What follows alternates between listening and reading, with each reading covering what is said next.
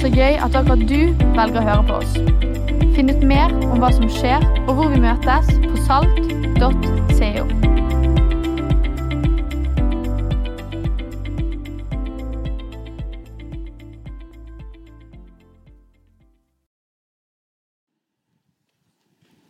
Tusen takk til Adrian. Det var da en spoken word, som det heter. Og moderne diktlesning.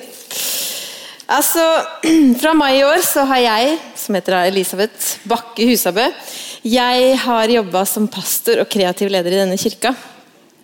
Jeg flytta til denne byen for å gå på psykologstudiet. Og begynte ganske raskt i Salt. Og siden det så har jeg hatt mange ulike roller som frivillig. Og I mai i år så ble jeg ferdig med en doktorgrad om ungdom og angst. Og Det hadde vært veldig naturlig at jeg fortsatte å forske, eller at jeg fikk meg en psykologjobb. Men underveis i studiet mitt og mens jeg har forska, har det vokst fram et ønske i meg om å jobbe i kirken. Et kall til å være pastor. Jeg elsker å være med og jobbe med gudstjenestene våre. Jeg elsker å se folk finne troen på Jesus, og jeg elsker å se folk ta nye steg i tro, nye steg i frivillighet og nye steg i lederskap.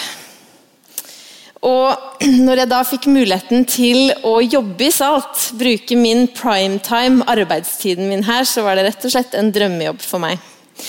Men så har jeg begynt i denne jobben her da, som pastor. og så, Når folk, når folk liksom oppdager at jeg er psykolog, så er det bare sånn Skal du ikke bruke psykologutdannelsen din? Hva skal du gjøre med all den forskningen du har gjort? Skal du ikke la liksom, psykologkunnskapen komme til sin rett? Men da skal jeg si det, at man har alltid bruk for en psykolog. Og psykologen kan alltid bruke sin kunnskap. Det er absolutt sånn at vi trenger gode teologer i kirka vår. Men med en psykolog på laget så blir alt mye bedre. Da jeg ehm, begynte på studiet mitt, så ble jeg fullstendig oppslukt i faget. Jeg synes Det var så spennende å lære nye ting hele tiden om hvordan hjernen vår fungerer og hvordan tankene fungerer. Men det er ikke alltid at min hjerne fungerer sånn som jeg vil. For eh, noen år siden så, tre år siden så bodde mannen min Ruben og jeg i USA et halvt år. Og Da gikk vi i en kirke hvor jeg var med på en slags eh, kafésmågruppe. Så var det en lørdagsmorgen hvor jeg da skulle på den, et sånt kafétreff. og så den morgenen så hadde jeg tenkt veldig mye på livet, og at livet ikke alltid blir sånn som vi forventer, sånn som vi forventer at det skal være. Livet, det kommer ikke alltid det vi ønsker oss ut av livet. Og ehm, så, så hadde jeg også tenkt veldig mye på at vi må snakke sant om livet. Det er viktig.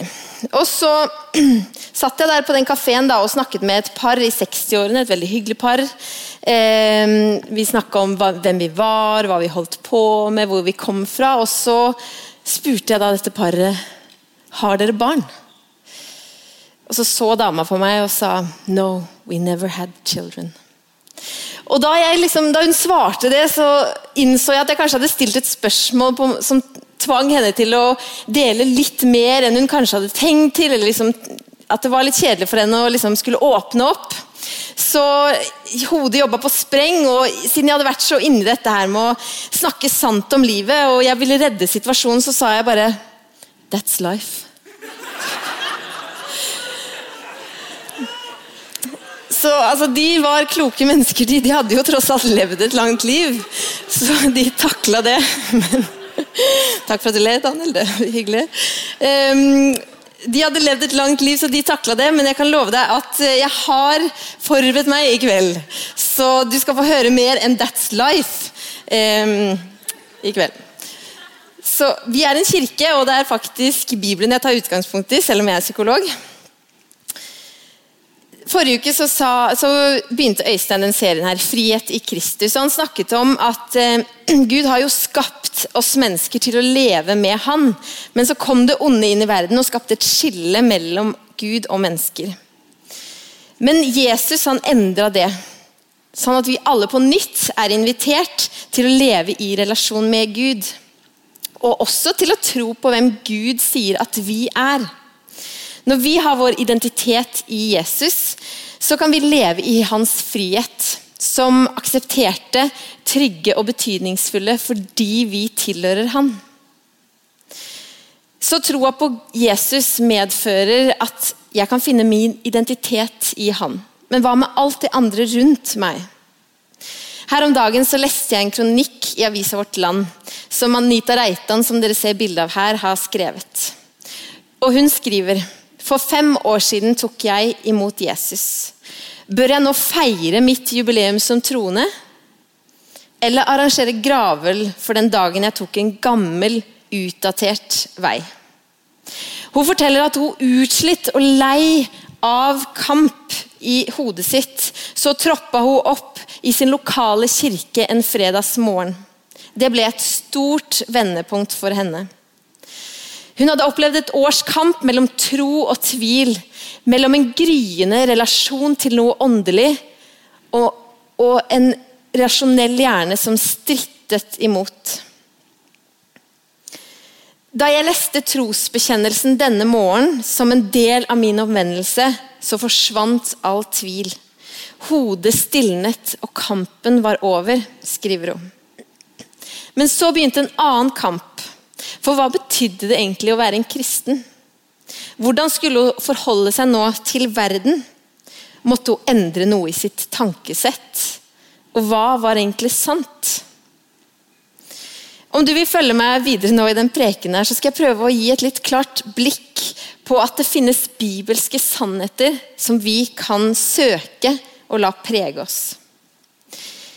I Johannes 8,32 så sier Jesus Hvis dere blir i mitt ord, er dere virkelig mine disipler. Da skal dere kjenne sannheten, og sannheten skal gjøre dere fri. Så hva er sannhet, og hvordan kan den gjøre oss fri? Vi mennesker vi er prega av den kulturen vi vokser opp i. Vi har et verdensbilde, en måte å se verden på. Det vi tar for å være sant, det vi tar for å være rett og galt. Har du tenkt på hvilken forståelse av verden du har? Hva du regner som sant? Det er mange ulike verdensbilder, og jeg vil snakke om et par stykker som er mest relevant for oss i Norge. Det mekanistiske, eller for enkelhetens skyld det vestlige verdensbildet, går ut på forståelsen av at alt har en logisk forklaring. Og at bare vitenskapen kan hjelpe oss å forstå hva som er sant. Det finnes ikke noe som påvirker oss annet enn det vi kan se og forske på. Ut ifra det bildet, det verdensbildet, så kan vi godt tro på Gud, men det vil ikke egentlig ha noen reell betydning i hverdagslivene våre. Det postmoderne verdensbildet det vokste fram som en motreaksjon på det vestlige verdensbildet. Postmodernister de peker på at forskning gjerne også har vist seg å være feil. Og at det er umulig å forstå og forklare alt. I det postmoderne verdensbildet så tester man om noe er sant opp mot mine egne erfaringer og opplevelser. Postmodernisten vil gi alle like mye rett. Din sannhet er din sannhet, og min sannhet er min sannhet. Ut ifra det så blir egentlig ingenting sant, fordi alt er avhengig av den enkelte. Kronikkforfatteren Anita Reitan hun har helt rett. Det er en kamp nummer to etter at vi har tatt imot Jesus.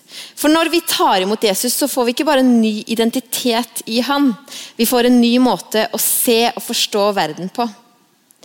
Og det bibelske verdensbildet det skiller seg fra alle andre verdensbilder. Ut ifra Bibelen så fins det én sannhet.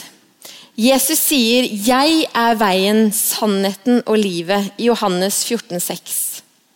Men hvordan lever vi egentlig med det verdensbildet? Ikke lenge før Jesus ble korsfesta, ba han en bønn til Gud for disiplene sine, vennene hans, men også oss som tror i dag. Alle som skulle komme til tro ved disiplene. Et stykke ut i bønnen så ber han dette. Jeg har gitt dem ditt ord, men verden har lagt dem for hat, for de er ikke av verden, slik heller ikke jeg er av verden. Jeg ber ikke om at du skal ta dem ut av verden, men at du skal bevare dem fra det onde. De er ikke av verden, slik jeg ikke er av verden. Hellige dem i sannheten. Ditt ord er sannhet. Som du har sendt meg til verden, har jeg sendt dem til verden. Jeg helliger meg for dem, så også de skal helliges i sannheten. På de få versene her så bruker Jesus ordet 'verden' fem ganger. Og mange andre plasser i Det nye testamentet så kan vi se at det ofte snakkes om verden. For en generasjon eller to siden så var det i kristne sammenhenger mye meninger og snakk om at man ikke skulle oppføre seg eller være som verden. Og det er gjerne et stort trykk på at man ikke skulle kle seg som verden. I noen miljøer så kunne ikke jentene, og i hvert fall ikke guttene, gå med øredobber og smykker eller sminke. Man kunne heller ikke gå på kino, for det var noe verden drev med. Jeg husker at Min mamma fortalte meg at eh, hennes mor, min mormor, ble utrolig fortvila når mamma hadde sneket seg med på diskotek i syvende klasse. Det var jo noe verden drev med. Går du enda en generasjon tilbake, så var det synd kanskje å bruke saks på søndag eller å plystre på søndag, og man kunne i hvert fall ikke spille kort. Det virker absurd for oss i dag, i hvert fall for meg. Men det viser kanskje et behov vi mennesker har for å sette et tydelig skille mellom hva som er innafor og utafor hva som er av verden, og hva som er kristent. Det behovet bunner i at vi vil være liksom trygge på at vi er innafor, og man var veldig opptatt av å leve riktig. Men hvis den verden Jesus snakker om, hvis det bare handler om hvordan vi oppfører oss, så kan det bety utrolig mye forskjellig avhengig av hvor du vokser opp, og hvilken tid du vokser opp i. Verden ser jo veldig forskjellig ut bare fra en generasjon til det neste. Så når Jesus bruker begrepet 'verden', så må det menes noe mer og noe større enn akkurat bare hvordan vi oppfører oss, hva vi gjør og hvordan vi kler oss. Med verden så må det menes noe dypere. Jeg tror det handler om tankesett eller verdensbilder som blir til kulturer, ja, og i mange tilfeller fører til handlinger. Men verden i bibelsk forstand det handler om tankesett som ikke er påvirka av Gud men av det onde. Jesus han sier faktisk at denne verdens fyrste er den onde. Og de samme onde kreftene som utfordra Gud og skapte et skille mellom mennesker og Gud, de fortsetter å påvirke tankesettene i verden. Vi skal ikke ta et veldig langt blikk ut av dette rommet for å se at ondskap finnes. Og Jesus han ber jo i teksten jeg nettopp leste, at Gud må bevare de som tror fra det onde. Verden som kraft den jobber for å avlede oss og avlære oss fra Bibelens sannhet. Hvor mange av oss er det ikke som leter etter aksept gjennom å få bekreftelser på utseende eller til å bli beundra? Hvor mange av oss mennesker er det ikke som søker trygghet gjennom utdannelse og jobb og penger? Hvor mange av oss mennesker er det ikke som vil prestere og yte for at vi, vi skal vite at vi er akseptert? Og hvor mange av oss er det ikke som scroller gjennom sosiale medier i, håp om å bli inspirert, men så ender vi bare opp med å føle oss dårlige? Alt det her er verden sin måte å søke aksept på, betydning og trygghet. De behovene er universelle og dype i oss mennesker. Men så får de ulike utløp, mer eller mindre sunne. For verden lover jo på en måte at de skal dekke dekke våre dypeste behov. Men sannheten er at jo mer vi søker å få metta disse behovene i verden, jo større blir lengselen etter det Gud har skapt for oss. Det blir som å drikke saltvann når vi er tørste. Da blir vi bare mer og mer tørste. Det blir et dobbeltpress, på en måte. Verden får oss på den ene siden til å føle oss ubetydelige, utrygge og ikke godtatte. Og så tilbyr den oss metoder for å fikse det. Bare bli sånn og sånn. Vær med de rette folka. Få den beste jobben med den høyeste lønna, og så vil det ordne seg. Men funker det? Her kan vi gå til Bibelens sannheter og finne hva Gud forteller oss om det. I Romerne 12,2 så står det Innrett dere ikke etter den nåværende verden, Men la dere forvandle ved at sinnet fornyes, så dere kan dømme om hva som er Guds vilje. Det gode, det som er til glede for Gud, det fullkomne. La dere forvandle ved at sinnet fornyes, oppmuntrer Paulus oss. Forvandling er et annet ord enn forandring. Forandring er gjerne bare å endre på atferdsmønstre.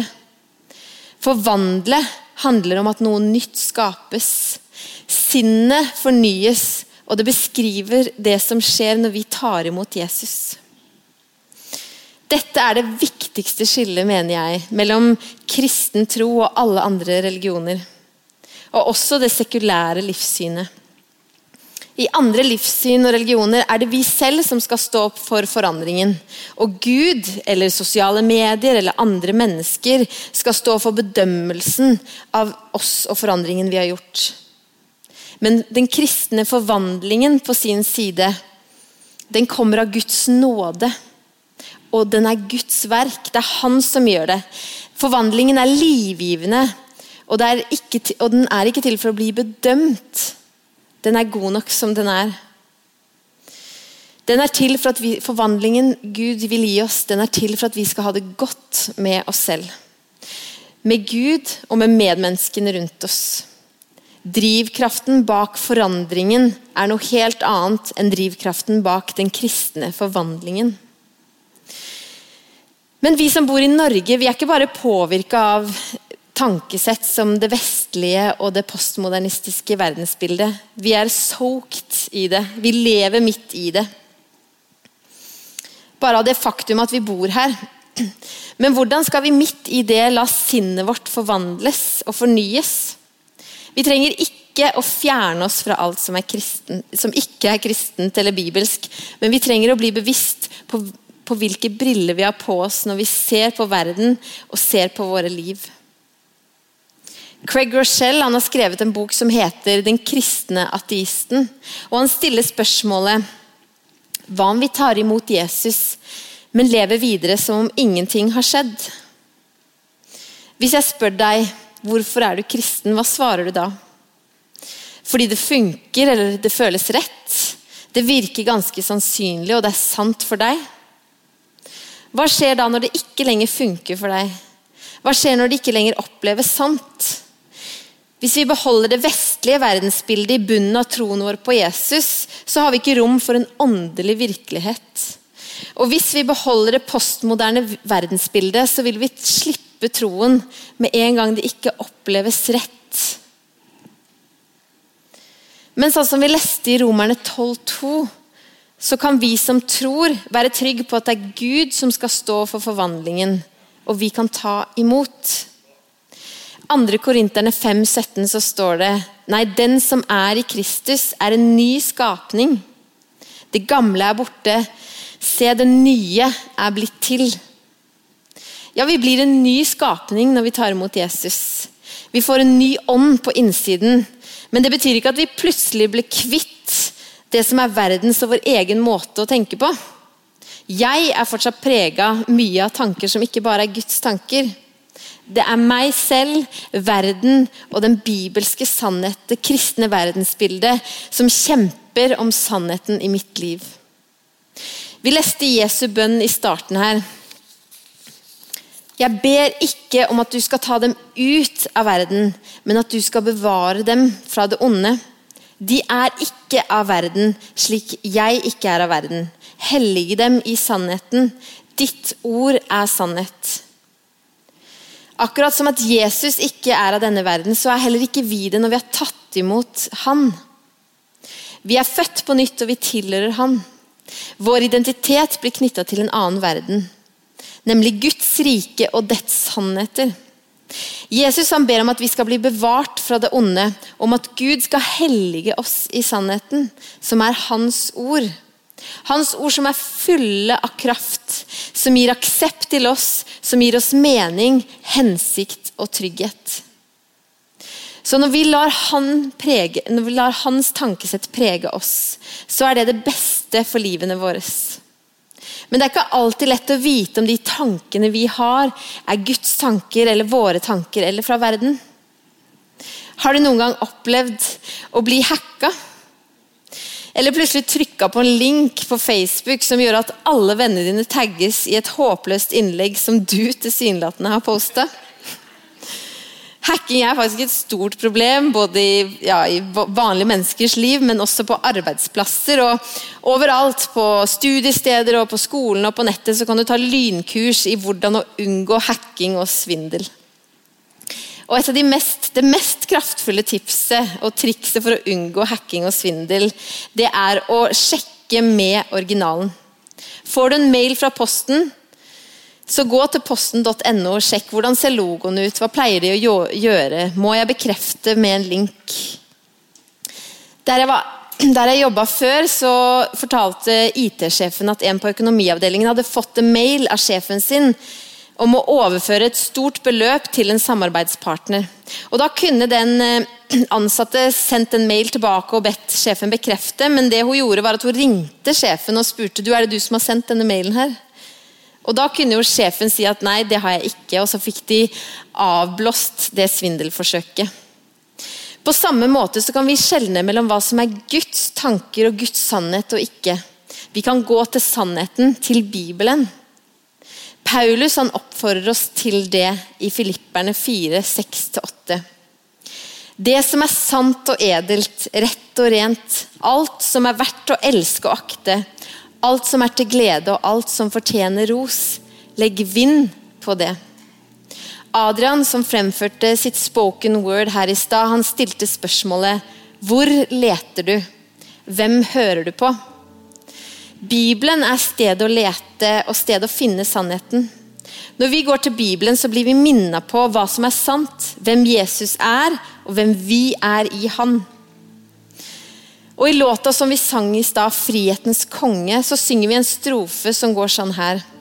Og alt som oss binder og holder oss fast, er Jesus Kristus underlagt. Dette finner vi i Bibelen nå. Det er onde krefter i vår verden som vil dra oss vekk fra Jesus og dra oss vekk fra det bibelske verdensbildet. Men Jesus han er sterkere enn alt ondt. Når vi venner oss til Gud, så vil han forvandle oss så sinnet fornyes, og vi kan holde fast på Guds verdensbilde. Det å ha et kristent verdensbilde det betyr ikke å slutte å gå til legen og bare sitte og be. Vi er opptatt av at man ikke skal legge hjernen fra seg ute i foajeen og komme inn på gudstjeneste. Gud har skapt hodet ditt for en grunn. Han vil du skal bruke det.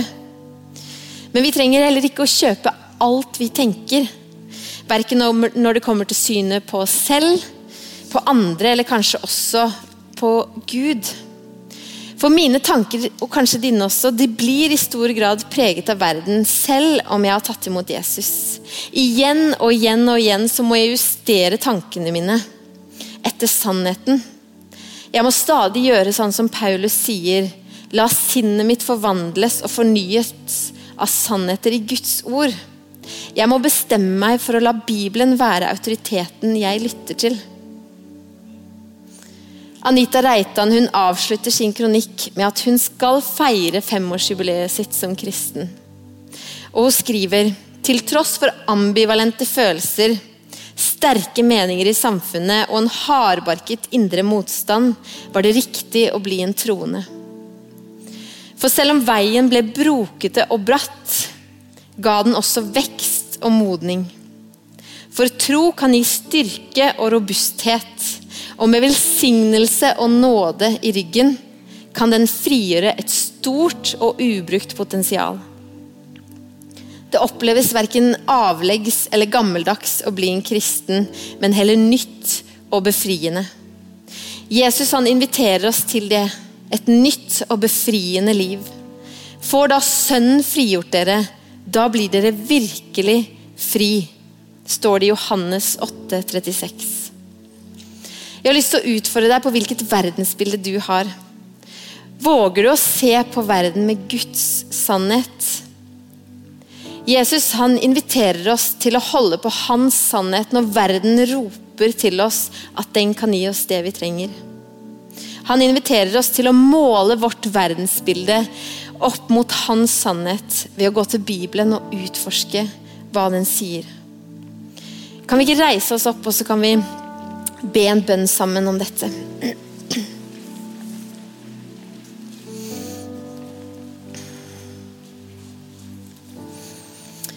Herre, jeg takker deg for at du har gitt oss din bibel, at vi kan legge våre liv i dine hender, Herre, og navigere i livet vårt etter din sannhet, Herre. Jesus, jeg takker deg for at du vil forvandle oss, Herre, at sinnet vårt kan fornyes igjen og igjen. Herre, jeg takker deg for at i deg så er vi aksepterte, vi er betydningsfulle, og vi er trygge, Herre. Jeg takker deg for din nåde, at den alltid er ny hver eneste dag. La oss lovsynge sammen.